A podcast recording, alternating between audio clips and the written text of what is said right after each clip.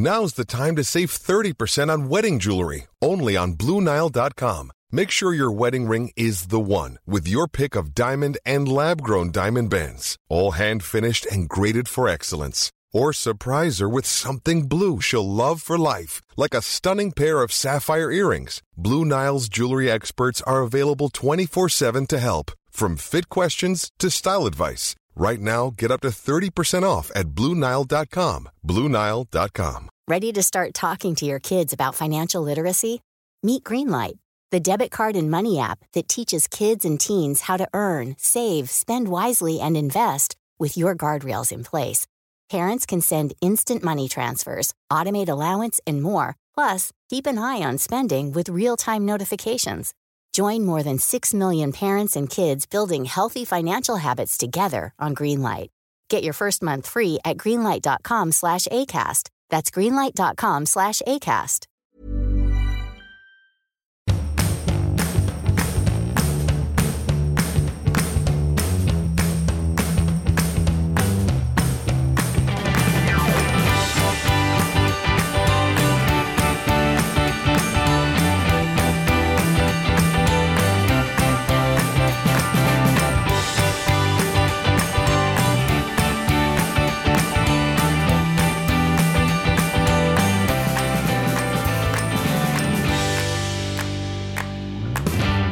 Hej och välkomna till Lilla Damm! Ja, då var det dags igen. Mitten på veckan, det har aldrig gått så fort, så går det på helgdagar. Ja, Du det, var borta och rest, har jag sett. jag har varit och träffat tapirerna. Har du varit på Kolmården? Varit på Kolmården, deras årliga... Ja, men, det är ju kändisinvigning kan man säga. De har ju öppet året runt. Ja, ja, ja. Jag är mycket förtjust i den. För det här är något som har pågått under många år. Mm. Så att jag har liksom varit där med alla mina killar. Eh, Och det har alltid varit så här, första maj åker vi till Kolmården. Och det är alltid piskat. Ja, eh, det var ju väldigt fint väder när vi kom dit på Valborg. Då badade vi alltså inomhus och solen sken. Men sen dagen efter, då var vi tillbaka vid regnet. Jag, jag kommer ihåg en sån mardrömsgrej när jag gjorde det med Kalle. Och Penny var liten, hon var jätteliten, jag tror hon var två eller tre. Och vi åkte den här bussen då. Eh, för vi hade ingen bil. Eh, och kommer fram och vi har på oss, ja men som man hade liksom, ja men någon kappa och, och liksom lite finskor. Man tänker det är ändå kändispremiär och Ja, ja, sådär. ja. Ja. men man ska väl inte se helt liksom fristadsutklädd. Skogsmulle. Ja, skogsmulle, jag ska ut och vandra. Outfit. Nej, Men det kanske vi borde ha för att eh, det började alltså spöregna ungefär när vi kom dit. Vi satt i den här linbanan och skakade tänder och liksom det bara, alltså det bara öste ner. Vi hade inga liksom regnkläder med oss whatsoever. Och eh, vi, vi harvade runt där kommer jag ihåg. Och sen så bara, bara knackade vi som två desperata djur på den här bussen. Och, bara, och så satt vi typ i bussen i fyra timmar innan vi kunde få åka hem. Så det var liksom ett trauma.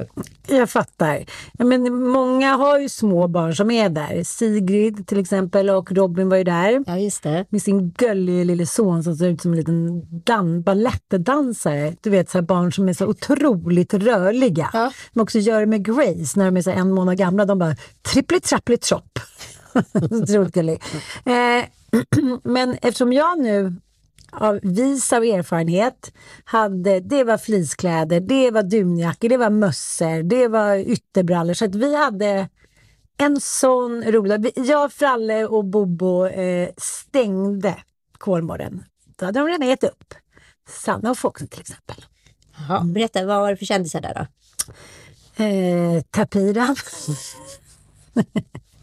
Nej men uttrarna, förlåt, men vad är uttrar för roliga djur? Ja men uttrar är ju ljuvliga. Kollar inte du på de här utterklippen som är på Insta? Jo men alltså de är för roliga. För, Men jag vill ju ha en utter hemma. nej, de är också så här, de, de är, det är som att du kom ut där så här, hej vad gör du här? Och så in igen, in igen i sitt lilla hus och sen ut igen. Så jag höll ju på och lurade dem hela tiden att jag så här, låtsades gå och sen komma tillbaka. Tillbaka ut igen, kanske skulle man få en liten eh, nöt. Det fick de inte. In igen! en pilsnerfilm. De var underbara. Ja, otroligt. Och så med den där lilla mustaschen också, ser alla ut som Åsa-Nisse. Ja, eh, underbara. En liten utterfamilj. Det var ju några, under några år där under det glada tidiga 2000-talet som det verkligen var storsvulstigt. Ja men precis, det känns som alla de här eventsen har bantat på ett eller annat sätt. Eller så är det bara för att jag inte längre blir bjuden på något eftersom jag inte får gå på någonting som är på Asefas lista. Oj då, oj då. Oj oj också. Nej, men det, jag tyck, det, det, det är väldigt trevligt. Alltså, när jag kommer dit, jag känner lite som att jag kommer tillbaka, men du vet, som en tradition. Ja, ja, ja. Det är väldigt härligt. Och alltid med nya barn. Tänkte, ja. eh, nej, men Pernilla var där. ja. Men varför åker hon på såna här grejer? Hon behöver väl inte göra det? Nej, men hon var ju där för att hon är nu bonus... Mormor kan det inte bli. Hon är Bonus- farmor. Farmor, ja. Farmor till eh, Christians barn. Ja, okej. Så de var ju där. Eh, och sen var Robin och Sigrid där Mm. med sina barn, eller både hennes tidigare barn. Eh, Hanna, Hannisen var där. Och Hannisen är då Hanna Widell. Precis, och hennes barn, så det var ju roligt. Ehm, Så ni kollade på djur och eh, bodde på det hotellet? också? precis, och eh, badade. Mm. De har ett egyptiskt bad. Ja, okej. Ja, jag har aldrig sovit där. Nej, men det är underbart. Det är, särskilt om man då får eh, utsikt ut mot Bråviken. Den eh, vackra utsikt. Ja, men de har ett, ett, ett, liksom ett egyptiskt bad. De har ju sex bassänger. Ja. Och så kan man simma ut och in och hit och dit. Ja, så det tycker ju barnen är väldigt roligt.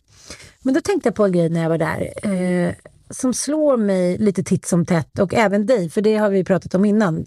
Men den här string eh, bikinitrenden som håller i sig inte bara liksom på Copacabanas stränder utan även Kolmårdens familjepool.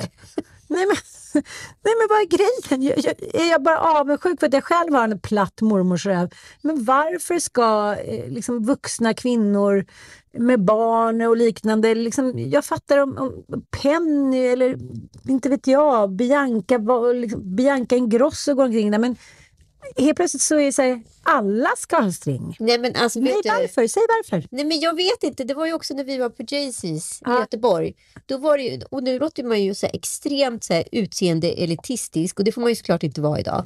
Men jag kan ju tycka att så här, rövens kvalitet avgör om det krävs kläs i en string eller inte. Annars kan jag inte förstå varför en liten häng, slapp hängrumpa måste liksom visa upp sig i dålig dager.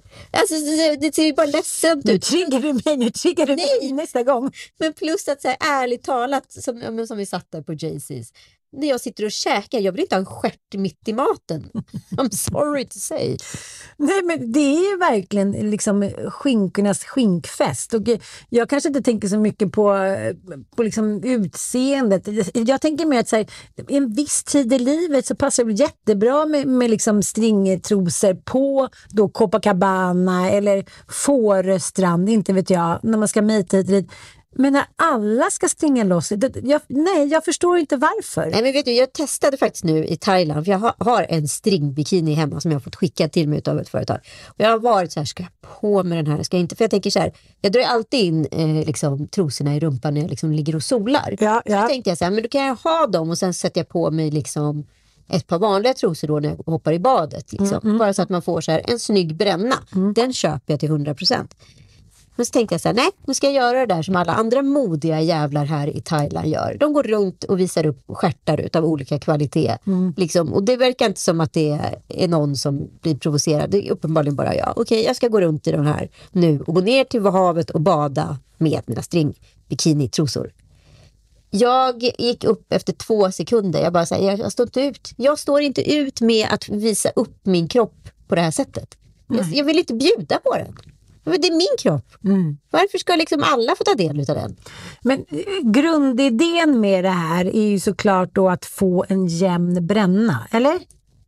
Alltså, Eller vad är idén med det, alltså, trosan? string är väl från början liksom, jag, jag vet inte, jag tror att det är ett, liksom, eh, ett sexattribut eller liksom Men det kommer väl från Ja, Brasilien? det kommer från det Brasilien. det? Ja, och där har man ju liksom stora skinkor och visar upp dem på liksom stranden i Copacabana och så vidare. Och, Och sen det var väl ett sätt att mita på, att, vi, att man hade en stringtrosa? Ja, men det är väl har jag för mig. jag det visar upp min Ja. Mm. kropp och du går igång på den. Alltså när liksom könsmaktordningen såg ut som att så här, män väljer kvinnor efter deras kroppar och utseende. Punkt. Men i första badhall, där är liksom, jag kan svära på mitt liv att det kommer inte komma in en solglimt och det kommer inte komma så många eh, liksom, hanar. Ja, det kanske det kommer göra i och för sig. Men det, så att jag vill bara jag vill få en förklaring till varför jag ska få en stjärtament till mitt rosado.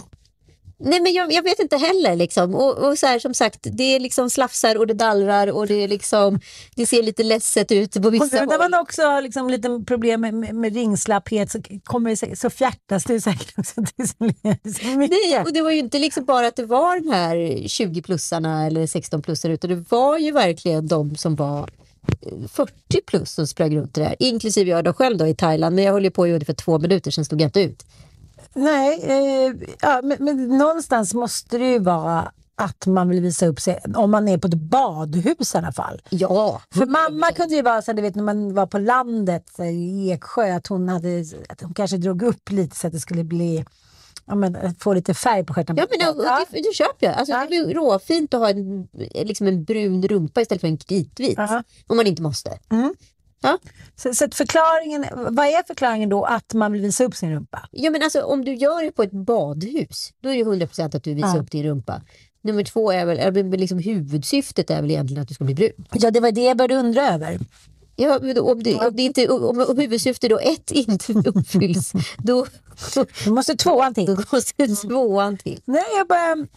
För jag tänkte att vi pratade om det när vi var på Jaycees, att så här, jaha, men då tänkte jag att det kanske bara var frifräsare i Göteborg, men nu ser jag lite överallt. Och jag, jag, ville verkligen veta varför har man stringtrosor i Säffle badhall och på Kolmårdens Snälla, kan det inte vara någon bara ja, svara oss där ute? Lös denna gåtan. Ja. Fadde Farall. Ring Fadde Farall. Fadde Farall, vem är det? Det är en Fångarna fortet. Jaha, Fadde Fora. Ja. How do you feel about all this fuss that's being made over you? I think it's kind of fun. you really are an exquisite looking young lady. I know you've been told that, but isn't she a pretty. She was catapulted into the world of adult sexuality. I just always remember thinking, like, I hope she's okay. One of the responses to feminism was the sexualization of little girls. You're not going to be traditionally feminine. We'll replace you with little girls. I found my confidence and thought I can have my own opinion.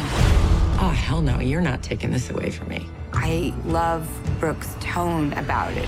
We're moving forward in life. When someone like Brooke Shields talks about it, it makes a difference. Ja, jag såg den här eh, Brooke Shields dokumentären Pretty Baby i, eh, nu under helgen. Och eh, det är en två delar som finns på Disney Plus för er som vill titta. Eh, jag tycker den är otroligt bra. Det handlar om liksom 70-talets liksom sexualisering och hur hon liksom blir någon form av covergirl för hela liksom Lolita-trenden. Mm. Det är bara hon och hennes mamma. Eh, hon har, jätte, hon har liksom skilda föräldrar. Mamman skiljer sig från pappan. Mamman har uppenbarligen odiagnostiserad så här, ADHD, jätteimpulsiv och liksom gör sin egen väg. Men lever väldigt liksom självständigt och fritt som kvinna i den väldigt liksom specifika tidsåldern där kvinnor kanske nödvändigtvis inte gjorde det. Eh, men hennes pappa finns där också, men det är mamman som är liksom stage mom och momager, hela den här grejen som jag har sett. Som Chris Jenner gör med Kim, gjort med Kim Kardashian och hela sin familj. Eh, och eh, Ja, hon är med då i liksom en vad ska man säga, semi-erotisk film som handlar då om, som heter Pretty Baby, som handlar då om en tjej som växer upp på ett brothel, vad heter det, en bordell. Mm. Och, eh, och eh, ja, har ändå en intim kärleksscen som 11-åring med en vuxen man. Och det här blir då såklart dramaskri i kristna Amerika. För det här är en, liksom en fransk regissör som har kommit till USA och ska göra sin stora filmsuccé här. Och i kulturen och liksom i dens värld, precis som i den här franska kulturprofilen som eh, Vanessa eh, Springora skrev om hur hon blev 14 år blev liksom någon form utav eh, liksom musa för den här Gabrielle Mansneff. Eh, ivrigt påhejad av sina föräldrar. Ivrigt påhejad av sina föräldrar, precis som mm. i Brooke Shields fall. Att liksom ha en gränslös mamma då som inte satte gränser och heller fanns väl inte riktigt några gränser ritade för vad som skedde. Och det man, det man då bekräftar i den här dokumentären är ju att så här, när kvinnor då helt plötsligt eh, var trötta på att bli eh, Objektifierade. objektifierade som var ändå kurviga, sexiga kvinnor alla Sofia Loren, Marilyn Monroe. Alltså, det, det var ju precis den skolan som hade slutat. Då gick man till flickorna istället. För då hemmafruarna eh, vill göra andra grejer, bli exploaterade och då var man tvungen att gå liksom vidare och under. Ja. Så att, eh, jag kommer ihåg när eh, hon slog igenom, det var 1980, det var med den här filmen Blå lagunen. Mm, ja, det var ju den som kom efter Pretty Baby. Då. Hon hade debuterat den. Det var ju så hon fick Blå lagunen. Men den, eh, den aspirerade ju på samma tema, att det var två barn då från den viktorianska eran som förliste på en öde ö. Det var hon och hennes kusin. Och sen växte ju de upp och hon fick mens och då trodde hon att hon skulle dö. Men då fanns han där, hennes kusin, och han hjälpte henne. Men han var tvungen att ligga med henne också och där står hon då med långt hår då, alla liksom förlist på öde. Bara det tycker jag är så här sexualiserande. Att så här, liten flicka växer upp och så hade hon långt hår så var hon naken. De hade ju lite som Edens lustgård. De hade bara ett litet, litet skynke vid Pullerulli. Ja, Och så ens var det. Ja, det vet kanske ett löv. Och sen var det liksom håret som följde och sen så var det ändå implicita sexscener igen. Ja, och, bara, så och det känns lite konstigt i min mage. Han med, det känns lite konstigt. Vi stoppar in snoppen i snippan och så får vi se vad som händer. Nej, men det alltså, liksom så återigen jävla romantiserat. Och jag kommer ihåg den första filmen jag såg på bio med mamma i Södertälje. Det var Bugsy Malone. Och det handlade också om eh, Barn som då... var exploaterade som vuxna och som eh, jobbade som prostituerade och liksom var små, eh, var beroende av sugar daddies. Och det här var ju liksom ingenting som riktigt ifrågasättes. Nej, och jag vet ju här, jättemånga så barn i, i samma ålder då som hade sett Bugs Malone och ville inget annat än sätta upp den här musikalen. Nej. Och liksom förstod inte signalvärdet vad det egentligen handlade om. Och det här liksom, narrativet fanns ju inom kulturen. Att man exploaterade barn oifrågasatt för att det var ju stora starka kulturprofiler som Mm. stod bakom de här alstren. Så att så här, då blev det aldrig ifrågasatt för man hade så mycket fokus på konsten. Mm. Och mycket det, vad vad hette den där 60-tals eh, den där danske som skrev en bok om att barn ska få ligga med vuxna för det är deras naturliga sexualitet. Det var så mycket som liksom slank igenom på grund av så här mäktiga gubbar som ville, ja men lite precis som i sekter liksom. Nu ska vi snart dö och den 19 februari 2008 då kommer eh, meteor komma hit så innan dess måste vi knullerulla allt vi kan. In med skiten bara. Det är små flickor som står, liksom, allting är ju bara en ursäkt att få vara pedofil. Ja, och det här är, det är ju sånt här som händer då när förlåt, männen äger hela narrativet. Alltså, nu har vi aldrig liksom, det helt varit liksom Bergmans gebit, men det är fortfarande väldigt många unga kvinnor som exploateras i hans filmer. Med det sagt så är de ju inte underåriga. Nej, Men, den sexualiseringen av kvinnan som liksom ett offerlamm har ju funnits där. Men det som är med Brooke i alla fall, hon föds ju bara som ett jävla underbarn. Alltså hon är så vacker, man blir helt förhäxad av henne. Ja. Det är helt omöjligt att inte sitta och tänka så här, det här är det vackraste jag någonsin sett i hela mitt liv. Ja, hon blir liksom, hon blir, en gud, hon blir ett gudabarn. Hon blir ju inte mänsklig tycker Nej, jag. hon är gudom och sen är hon superödmjuk och försiktig och allt det här. Men hon blir ju hela tiden hon föds ju då med att hela tiden behöva stå på sidan om sitt eget utseende. Så hon upphör ju själv att existera indirekt som person. Eh, och sen så kommer hon i alla fall in på Stanford, för man tänker bara att det här är ju liksom en, en vacker skön tjej eh, och en driven mamma. Hon vet nog ingenting, hon är nog inte så smart. Gud vad jag snackar om sån där mamman Terry, att hon var sån jävla elak häxa. Men det är som du säger, idag skulle man bara säga, hon har ADHD. Ska vi medicinera henne? Ja, mamman Terry då självmedicinerar då eh, under hela Brooks eh, liv och Brooke är ju såklart jättemedberoende och skyddar mamman i olika intervjuer där det här attackeras. Är det kröken Friskt. eller? Ja, det är kröken. Hon bara, nej mamma har en allergi och en hudsjukdom så det är därför hon ser lite gammal ut. Men hon är alltid svullen runt ögonen. Ja, men det är bara för mamma är jätteallergisk. Alltså, och Terry sitter där i intervjuer bredvid och får bara le stelt och gömma sitt alkoholmissbruk. Mm. Men hon kommer i alla fall in på Stanford, lång historia kort och eh, helt plötsligt så är hon ju liksom också skitsmart. Men då blir man så glad när man hör en så här bra, om en bra lärare vad det faktiskt kan göra med människor. För hon har ju inte varit i sig själv. För då säger läraren så här, men kan du skriva en metafor om eh, om dig själv. Och hon säger nej men det kan jag inte, jag kan skriva metaforer om andra. Men då så, då kan du nog göra det om dig själv. Hon börjar liksom tänka och börjar utveckla och till sist så blir hon det här jaget som hon liksom har sökt och efterfrågat. Hur som helst, det jag skulle komma till som var så jävla starkt i den här dokumentären som är i avsnitt två. Det är att när hon då ska få sitt eget första barn eh, efter en lång och rätt destruktiv relation med Andre Agassi så träffar hon liksom mannen i sitt liv som hon fortfarande lever med. Eh, då går hon in i en förlossningsdepression. Och hon skriver då till sist när hon fattar vad det är. För hon är så här, varför blir inte jag glad utav mitt barn? Varför tittar jag bara på mitt barn? Varför tänker jag massa konstiga tvångstankar om olika saker som ska hända med min bebis hela tiden? Och till sist får hon hjälp att förstå att hon har förlossningsdepression. Styrkt av den och den här liksom bristen i information som inte kommer fram till kvinnor, att alla går runt och känner sig som galna häxor.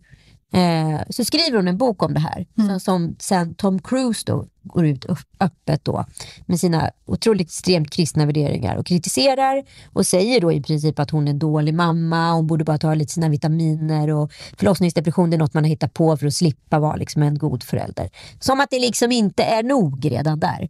Och, och sen så tar han, många år senare så tar han tillbaka sin, eh, sin anklagelse. Men det var ju rätt, var ju rätt anmärkningsvärt.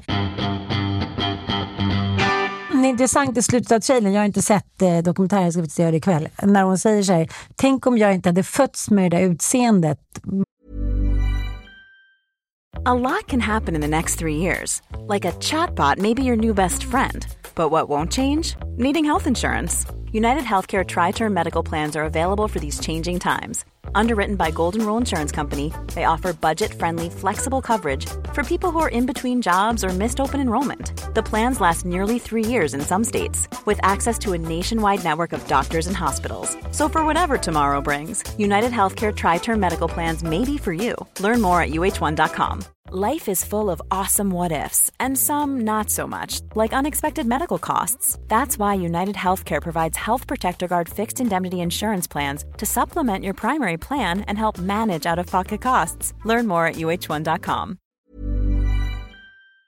Vad, vad, hur hade mitt liv kunnat vara? Att, det, att hon började se sig själv som en human being när hon kunde liksom skala bort att hon bara var det vackraste, det vackraste, det vackraste, det vackraste, det vackraste. Ja, nej, men för att det är ju absolut förhäxande med en person som är så vacker för alla inblandade i rummet. Det är lite som Dolly Partons patta. Alltså, så här, det går inte att inte Hon var titta, världens liksom. mest plåtade människa Ja. under många år. Ja. Måste ändå göra en jämförelse med Karin eh, Klintbergs Kungen. Mm. Att man, så här, man tar bort eh, liksom barnet och människan bakom personen. Det finns någon besatthet, det finns någon masspsykos när liksom dels finns ett prefix här Lilla prinsen, det var tre döttrar då och sen så hade pappan precis gått bort i den här olyckan. Och, alltså allting var ju som en tragisk sagovärld. Liksom. Och det är ju samma sak här, att, man, att människor blir som hyenor. De vill bara mer och mer av den här, de här sagobarnen. ja, men precis. Otroligt obehagligt alltså. Ja, men det som är så fint med den här alltså förlossningsdepressionsberättelsen som hon så här, gjorde, det var liksom, jag var också förlossningsdeprimerad med Penny. Jag fattade ju aldrig det. Men det här tycker jag är så otroligt märkligt. Vi har inte pratat så mycket om det du Nej. Men jag, vi har pratat om det lite grann. Men, men jag har alltid tänkt att du fick hjälp. Nej, alltså jag gick till min, jag gick till min psykolog som jag gick till då och så var han väl så här, för jag var ju så rädd, jag såg ju massa liksom, jag skrev, vet att jag skrev om det på bloggen och så var det någon som sa till mig, du kanske är förlo- förlossningsdeprimerad. För jag, var så här, jag, jag gick runt och hade så här bisarra tvångstankar och även Kalle hade det. Så vi var båda liksom förlossningsdeprimerade. Ja, för det har jag också hört. Jag har flera kompisar som, eh, som har varit förlossningsdeprimerade. En killkompis till mig, det pågick under ett och ett halvt år. Och det var liksom när jag och han började prata med varandra som att det blev liksom på något sätt lite lättare. Jag, men, jag kände mig så fruktansvärt liksom rädd och liksom låg och jag kände mig också så otroligt onormal. Varför älskar inte jag mitt barn som alla andra älskar sitt barn? Jag kände sån otrolig skam. Eh, och det var så jävla pinsamt och jag kände mig också som en värdelös morsa som bara gick runt i det där och hade de här skitkonstiga tankarna att jag skulle så här, tappa henne ner för liksom, trappan trappen. Eh, jag skulle tappa över en eh, diskmaskinen och i diskmaskinen stod det en massa knivar upp. Och vi skulle tappa en i toaletten och huvudet skulle åka ner och fastna där. i- Liksom, alltså, det var så sjuka, sjuka bilder och tankar. Och jag var också så här, jag blev liksom, de tankarna gjorde att jag blev rädd för att röra Penny i början. Alltså det här satt ju ett tag liksom. Eh, och sen så började jag och Kalle prata om det och då blev det liksom lättare. Men så vet jag att jag gick till min här, psykolog och pratade om det och, och då var han så här han, var inte, han fattade inte alls att det var en förlossningsdepression, förmodligen inte påläst på ämnet. Liksom. Men då sa han så här bara att ja, men du får väl bara se till att vara lite mer med henne då. Så att så här, Gå ut och jogga. Ja, men skammen fanns ju liksom överallt och sen så var det någon kompis då som, som bara, "Ah, hon har anknytningsproblem och jag var så här, men jag har inte anknytningsproblem, jag bara vet inte vad jag ska göra, jag är helt maktlös inför den här situationen. Och sen så tror jag att liksom, det gick för tre, fyra månader, sen släppte det ju. Men det var ju liksom, Var det någon som du eh, vågade prata med förutom med Kalle? nej. Det var bara vi två som pratade om det. fasen vad ensamt. Men jag tyckte det var så, så, här, var så skönt att se, och sen har jag ju läst massor efteråt såklart, hur öppet hon vågade prata om det och hur liksom nerskjuten hon blev återigen utav så kraftfulla män. Och det är alltid någon som ska komma in och, och liksom döma kvinnor. Jag, jag, kan, jag fattar liksom inte syftet med det.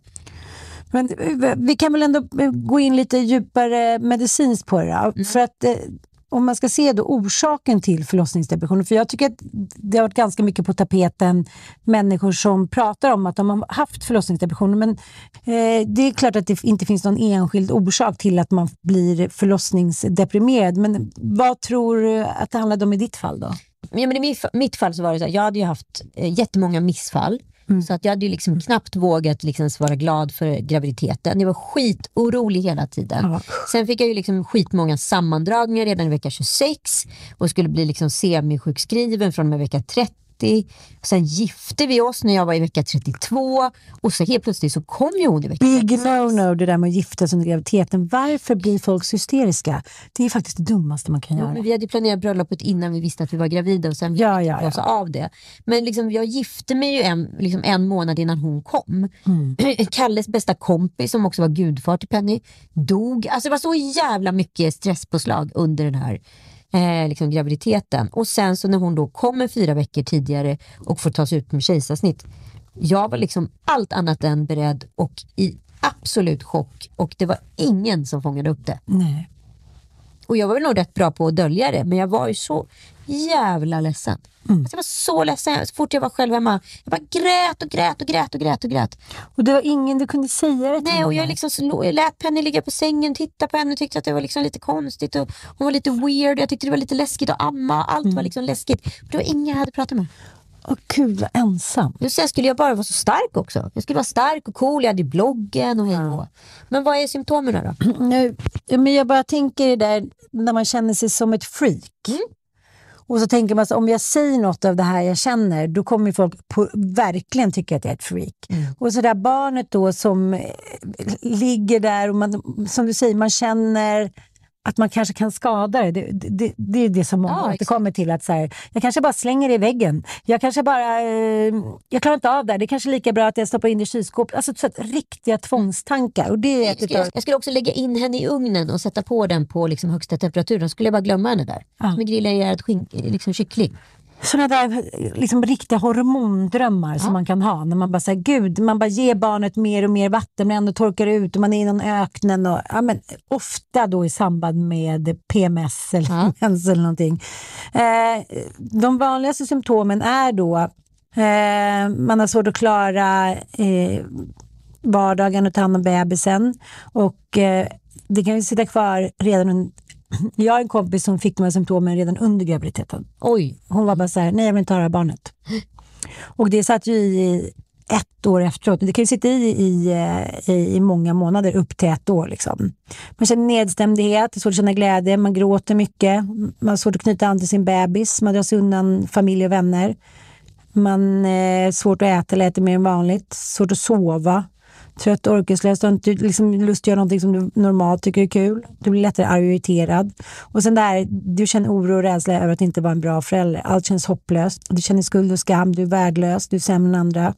Du har svårt att tänka klart, tvångstankar. Du känner rastlös, du får ångest eller panikattacker, du får tankar om att ta ditt liv eller om det vore bättre om du inte fanns där för ditt barn. Ja, dit kom jag faktiskt som tur var aldrig. Utan så här, jag fick väl liksom, jag vet inte vad man kan räkna på sån här tio skala på allt det där som du rabblade upp. Men jag hade väl liksom, jag var extremt nedstämd. Ja. Jag var också så här, jag hade otroligt mycket ångest för att jag inte kände liksom glädje runt barnet. Jag fick inte de här tydliga liksom moderskänslorna. Nej. Som man så här, hörde alla kompisar bara, jag är så kär i henne och jag är så kär i honom och gud men bästa. Du vet, liksom. Och jag bara kände så här, jag är inte kär i det här barnet, vad ska jag göra liksom? Eh, och sen så de här tvångstankarna och jag kände också så här hopplöshet inför liksom, jag var väldigt, jag var extremt låg, jag hade liksom noll procent dopamin i kroppen. Eh, men sen så liksom gick det väl tre, fyra månader och började känna mig liksom, ja, men liksom lite starkare. Lite trygga i din mamma. Ja, då. Vad tror du hjälpte? Fan, det är klart att så här, första barnet, det är inte konstigt att man blir förlossningsdeprimerad. Nej, men jag Så det är också jättevanligt med kejsarsnitt. Mm. Det pratar man inte heller speciellt mycket om. Eh, och, ja, nej, men så, det, var- det var många faktorer liksom. Och sen så liksom kämpade jag väl på. Jag fattade ju till sist att det var något fel och när jag och Kalle började prata med varandra efter kanske två månader då blev det liksom lite bättre och då vågade jag prata med någon psykolog och sen så liksom sakta så kom väl självförtroendet in med föräldraskapet Ja. också. Så att så här, många saker tillsammans löste problemet åt mig. Men jag tänker så många som inte fått hjälp eller fattat utan bara levt på det där sättet. Och då står det då, förlåt, eh, vad kan man göra då? Eh, ofta så får man ju prata med en terapeut, men också medicinering. Mm. Men det fick inte jag. Nej, eh, när du eh, liksom, du fick ju ingen hjälp alls. Nej, absolut inte. Men jag, och liksom, jag för mig att jag sa det här vid de här BVC-kontrollerna, att jag liksom berättade att jag hade ändå liksom de här tankarna. Och det är liksom lite så här viftades bort. Liksom. Det var ingen som så här, Det här är ju 12 år sedan och jag måste ändå säga att eh, mycket inom psykisk hälsa har ju skett de senaste tio åren. Precis, så det, jag kommer inte ens ihåg att det var någon som pratade om det. Och det sa jag till dig när vi pratade om att när jag kollar på bilder på min mamma eh, när hon har fått mig och inte får igång amningen. Och båda mammas eh, graviditeter och förlossningar var ju eh, liksom ja, väldigt komplicerade. Jag föddes sex veckor för tidigt, syrran tio dagar för sent. Nej, men liksom, amning kom inte igång. Jag tycker inte att jag ser henne le på en enda bild före vi är två år gamla. Nej, men om, om jag ska vara riktigt ärlig liksom, så kan jag ju säga så här. Jag kommer fan inte ihåg så speciellt mycket av så här, Pennys första år. Nej. Det är rätt mycket liksom, gröt. Mm. Det är inget jag kan säga så här, åh, då tog du ditt första steg eller där kom första leendet. Alltså, det är bara... Du hade bara panik för att eh, du skulle få det här barnet att överleva. typ. Ja, 100 procent. Men idag så hoppas jag att, såklart att du hade pratat med någon eller typ googlat fram. Men, men det är också så när man är inne i den här nedstämdheten och hormonella liksom, berg och dalbanan. Man tänker inte särskilt klart. Nej, och sen så vad heter det, fick ju jag Tob Allan då, eh, tre och ett halvt år senare. Vanliga vägen och helt plötsligt kom alla de där känslorna som jag bara hört talas om. Alltså de här otroliga moderkänslor på slaget. Liksom. Där liksom paniken var borttvättad och där man bara kände den här totala liksom, kärleken. Och det kan jag känna är så jävla orättvist idag. För Pennys skull. Det är inget som påverkar vår relation idag. Hon känner ju inte till det här. Men liksom att jag blev liksom på något sätt snuvad på det där första året och de där fantastiska känslorna med henne. Som hon faktiskt förtjänar. Ja. Nej, jag håller med. Och det, det, har varit så himla spännande för efter de senaste dagarnas debatter och debattartiklar om eh, kvinnor och hormoner med ADHD. Eh, Det var en jättebra artikel i Svenska Dagbladet som eh, ja, men tog upp det. Det har ju du pratat om innan i din podd med Hercare, men just det här att, att kvinnor med ADHD verkar ha då, eller har svårare PMS och oftare drabbas av förlossningsdepression. Ja. Eh, det är ju liksom väldigt lite beforskat men ja, it all makes sense. Eh, min kompis Fi som precis har gjort sin ADHD-utredning, hon skrev där till mig, hon var så här, jag hade ingen aning om det här. Jag bara, inte jag heller jag blev ganska ledsen. För jag kände så här, jag är en väldigt levnadsglad person, men varje gång liksom under PMS, de här dagarna innan, då är det verkligen som att jag känner så här, nej men det kommer inte gå, jag vill inte leva längre. Och sen så, jaha, får jag mens? Och det, det är det här som, som många inte förstår sig på. När man har ADHD så är man ju inte liksom, man har inte så många appar då som man laddar ner med ens. Eller så här. Man är inte så förpreppad för det här. Jag tycker man är dålig på det kvinnliga. Ja, Har jag, jag har ju haft mina små appar då i flera Mm. år och det kanske skiljer liksom oss åt. Liksom att jag är rätt struckad och du är inte struckad och det handlar väl om att vi är helt olika på något spektra. Liksom. Det finns så otroligt många olika ADHD-spektra. Jag säger inte att du har det.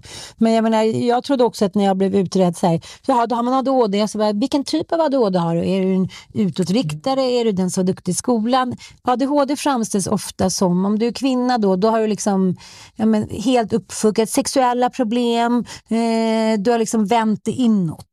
Du har varit dålig i skolan. Alltså det är så otroligt mycket förutfattade meningar om vad, hur en ADHD-tjej ska vara. Vilket gör också att man blir hämmad i att ta reda på reell information. Hur man ska kunna få hjälp. Förstår du? Nej men eh, jag, jag blir också så här, jag gjorde den här poddserien med Her Care och eh, förhoppningsvis ska vi sätta igång den igen. Men det, också verkligen. det som är intressant är väl att eh, om, om man nu kollar med liksom den forskare som forskar på ADHD-genen i mänskligheten så ligger ungefär ADHD i snitt på 1 procent. Och just nu ligger det på 8 procent. Och då kan vi egentligen prata om att det är så här en övermedicinering i samhället då, och att signaler tolkas fel. Det här är ju liksom läkemedelsindustrin så att det, det, det är klart att man vill skriva ut piller. Det tjänar ju alla på som är i, i systemet. Liksom. Eh, samtidigt så är det ju många kvinnor som då jobbat väldigt hårt mellan liksom 20, 30, 30, 40 och då helt plötsligt börjar hormonerna spöka ordentligt för vi går in i något som heter förklimakteriet. Eh, man har förmodligen aldrig ens behövt tänka tanken på liksom hormonnivåer eller någonting. Så, och då går de flesta kvinnor direkt till och tänker det är något fel på mig. Och sen så har vi det här tugget om ADHD i samhället som det är liksom i media hela tiden. Att man, folk är diagnostiserade hit och dit och man har ADHD, man är ditten och datten. Och då tänker man sig, jag har säkert ADHD och så går man och får en privat utredning. Så får man en privat utredning och då börjar du käka ADHD-medicin och så kommer du såklart känna dig mycket bättre under en period. Men det som är med liksom ADHD-medicin, det ska man vara väldigt tydlig med att så här, det är ju inte liksom en, ett gratispiller, det är ju inte ett lyckopiller utan det lyckopillret hämtar information någonstans ifrån. Och det hämtar man ju från så här, dopamincentret i hjärnan. Och dopamin är lite som så här, vad ska man kalla för, råolja. Det finns en grundbas, sen kan man fylla på lite med lite kost och träning och sådana saker. Det kan liksom stimuleras och växa lite granna. Men när det, man börjar man liksom överanvända det på något sätt som man kanske kan säga att vi har gjort med liksom råoljan, då, då, då tar ju det slut. Och det som händer då är när du då är 50-ish och ska faktiskt gå in i det riktiga klimakteriet, då säger det pang! Då finns det inga resurser kvar. Då blir kvinnor djupt deprimerade, suicidala och så vidare. Så att det jag liksom rekommenderar alla som tänker så här, den första tanken, jag har ADHD. I ditt fall tror jag att du har det. Jag bara, jag kan bara, det finns rätt många tecken på att du har Ja, men det, ADHD. när man gör de här, när man gör de här liksom, gedigna testen, då är det, så här, det är väldigt få kvinnor eller män som överhuvudtaget kan få en diagnos om det inte kommer fram att man haft det redan från barndomen. Men ja, det är ändå Mm. Så det tror jag. Vuxen ADHD är, liksom, den är lite dubbel skulle jag säga. Eh, för att så här, egentligen så här, gå och gör ett djupare liksom, hormontest. Gör Mm. liksom inte det här liksom, blodprovet som man får på vårdcentralen utan så här, lägg lite pengar på att göra det djupare hormontestet. Se om det finns liksom, en obalans i ditt hormonella system. Börja med att medicinera med rätt grejer och fyll på där. Mm. Hjälper inte det då kan man söka sig till liksom, eh, Mm. liksom vuxenpsykiatrin. Men börja inte vid vuxenpsykiatrin Nej. och gå sen till hormonerna. För det, det, den liksom bakvägen, det, det kommer inget bra ur det. Liksom. Jag satt eh, på en tjejmiddag i fredags med en eh, kvinna som jag aldrig hade träffat förut och hon sa det att när hon fyllde 46 så var det som att någon drog undan rullgardinen. Liksom hon bara kände jag kan inte jobba längre, jag vill, jag vill inte vara med min man, livet är över typ. Men då käkade hon middag med sina två bästa kompisar som var några år äldre. De bara, okej okay, älskling, du har hamnat i förklimakteriet. Så här, att hon hade någon som kunde peppa henne. Men jag tror att det är så många kvinnor som går omkring år efter år efter år och inte får advokathjälp och liksom förlorar massa år för att de inte förstår eh, att de hamnat i någon form av hormonobalans. Liksom. Nej, det, det jag bara så här, liksom, gör er alla en tjänst där ute nu när ni har chansen. Alltså det finns så mycket information för första gången någonsin om liksom, hormoner och kvinnohälsa. Ta dem, liksom, chansen att ta reda på vad som är vad istället för att börja i fel ände för då kommer du få ett problem. Ja, och jag tänker på samma sak, det finns väldigt lite information också även om medicin. Jag bytte ju medicin ja. eh, från eh, Concerta till Elvanse. Ja. Elvanse är en mer ren form av liksom, ADHD-medicin, eh, inte en syntetisk form. Liksom. Ja, det mer tjackigt. Precis. det var ärligt. Tala om klarspråk. Du blir rätt koko på eh, Concerta. Ja, det, det, går, liksom, det går för snabbt upp. Jag är redan uppe så jag behöver egentligen vara lite mer jämn. Liksom. Mm. Och det tycker jag har varit den stora skillnaden eh, och förändringen. Men då är det en, en eh, lyssnare som skriver Hej Ann, tack för härliga underbara podden. Det är Anita. För flera veckor sedan pratade du om att du blivit så sötsugen senaste tiden och sen dess har jag tänkt skriva till dig. Mm, jag har också diagnosen ADHD och därmed tar det sina veckor innan något blir gjort. Det vill skriva att Elvansa har gjort mig till ett sockermonster trots minskad aptit. Motsägelsefullt men supertydligt för mig. Och det är inte lösgodis på flera år, nu vill jag småäta lite varje dag. Kan det vara samma biverkning för dig? Bara en tanke, ha en fin dag. Jag bara, va? Ja, mm. Och då blev det så, här, så väldigt tydligt när vi var i Göteborg och du var så här, okej, okay, vad händer nu? Nu ska du ha lite sött igen. Att det har liksom satt sig på, alltså, i mitt system på ett sätt som jag aldrig varit med om. Mm. Alltså på ett så här besatthetssätt. Så att jag vill äta glass och nu ska vi inte baka nu då. Jag vill liksom hela tiden fylla på en nivå och då var det säkert någonting i den andra medicinen som fyllde på den depån. Och nu gör det inte det. Så jag är inte hungrig men jag vill bara äta godis, glass och liksom igår så bakade jag kakor klockan nio. Ja. Nej, men och det så här att, ska vi prata om socker. Att så här, man kanske bara, jag är som sockertorsk, jag är som sockerberoende och jag har socker. Socker är ju det som hjälper dina liksom, dopaminnivåer att komma upp dit där de känner att här är det bekvämt, här vill jag ligga. Här ska jag vara och klidra mm. och ingenting annat. Så socker är ett gift till att börja med. Och det är en extrem liksom, självmedicinering i socker. Så många som är sockerberoende, återigen, gå och gör en hormonutredning. För förmodligen har du massa låga nivåer som ja. bara kan regleras upp med andra ämnen. Så kan det där sockersuget mm. försvinna. Mm. Och nu ska du faktiskt gå och göra en ja. hormonutredning. Purker. Ja. Det, det var så otroligt tydligt. Från så här, noll eller sötsug som vem som helst till ett sockermonster. Alltså. Mm. Du skröt precis om din nya följare. Äsch, äsch. Alice bara, Gunke har börjat följa dig och det vågar jag göra en sån avancerad gissning att det kan handla om din nya klimatkamp. Ja, det har det. Hur går det med den? Men alltså, det går så jäkla bra. Mm. Vet, vet du, jag tycker det här är, det är så jävla spännande. Det är som att jag liksom har satt på mig, jag kommer ihåg när Gudrun Schyman använde det här uttrycket om feminismen. När man väl har satt på sig de feministiska glasögonen så är det omöjligt att ta av dem. Det ja, jag är väldigt, jag fattar. väldigt sant och så är det ju. Ska vi spela upp lite vad du sa på Instagram? För du har fått väldigt många positiva reaktioner. Många tycker så här, gud, det här, du satte igång så mycket tankar hos mig. Och... Vi började ju klä oss mer, tänka mer på våra mm. köp, passform. passform, kvalitet. Ja. Men också att det vi inspirerar varandra mest med är ju kläder. Alltså mm. utöver businessen. Mm. Kan inte någon media någon gång ställa en kritisk fråga till den här superentreprenören? Exempelvis, var tillverkas kläderna? Vad ger de för klimatavtryck? Vad har de för klimatpolicy i det här bolaget? Klimatkompenserar de och hur säkerställer de att personerna som jobbar vid fabrikens livskvalitet är hållbar? Ja, men jag läste en intervju med Therese Lindgren för några veckor sedan och hon eh, har ju ändrat sin policy de senaste åren. Att hon eh, enligt egen utsago, jag vet inte om det är någon som kollar upp det, bara jobbar då med företag som eh, ja, rapporterar det här och följer liksom men vad ska man säga, de riktlinjer som, eh, som finns. Men Ja, men hon är en av de tidiga influenserna som gick ut tidigt och sa så här, jag kommer liksom bara göra smarta samarbeten och jag kommer inte liksom vilja slösa miljö utan jag vill kunna bidra. Men vet du vad det stora problemet är? För när de, jag har ju pratat med kompisar som har liksom stora varumärken och de gör ju såklart såna här eh, undersökningar hela tiden. Mm. Det, gör, det sker på automatik, det gör det ju säkert för eh, henne också. Mm. Men eh, det som de säger, sen behöver man ju inte liksom, sen kan man ju ändå fortsätta sin kamp, är att eh, nästan inga konsumenter bryr sig om var det kommer ifrån. Och hur det är framtaget. Det, det är ju det som är så jävla tragiskt. Shitty world. Men grunden är ju att så här, det som har skett, och det här har gått rätt fort liksom, och det är det jag är lite på. att bara för, alltså om vi skulle kunna vrida tillbaka klockan och börja leva som på 90-talet. Mm. Då skulle vi klara eh, miljömålen. Men i och med att eh, många vet inte hur vi levde på 90-talet. Men vi kanske inte shoppade så mycket. Vi köpte vintage rätt mycket. Mm, Eh, vi, när vi köpte mat så storhandlade vi men så åt vi också upp all mat. Eh, inte så mycket. Vi gjorde liksom matlådor och spa, Man fick ärva kläder. Ja, alltså, så, Något det, det, det fanns liksom ett, ett helt annat liksom, ekonomiskt tänk plus att det var jättedyrt att flyga. De flesta åkte tåg. Det var, alltså, flyg var inte ens ett alternativ.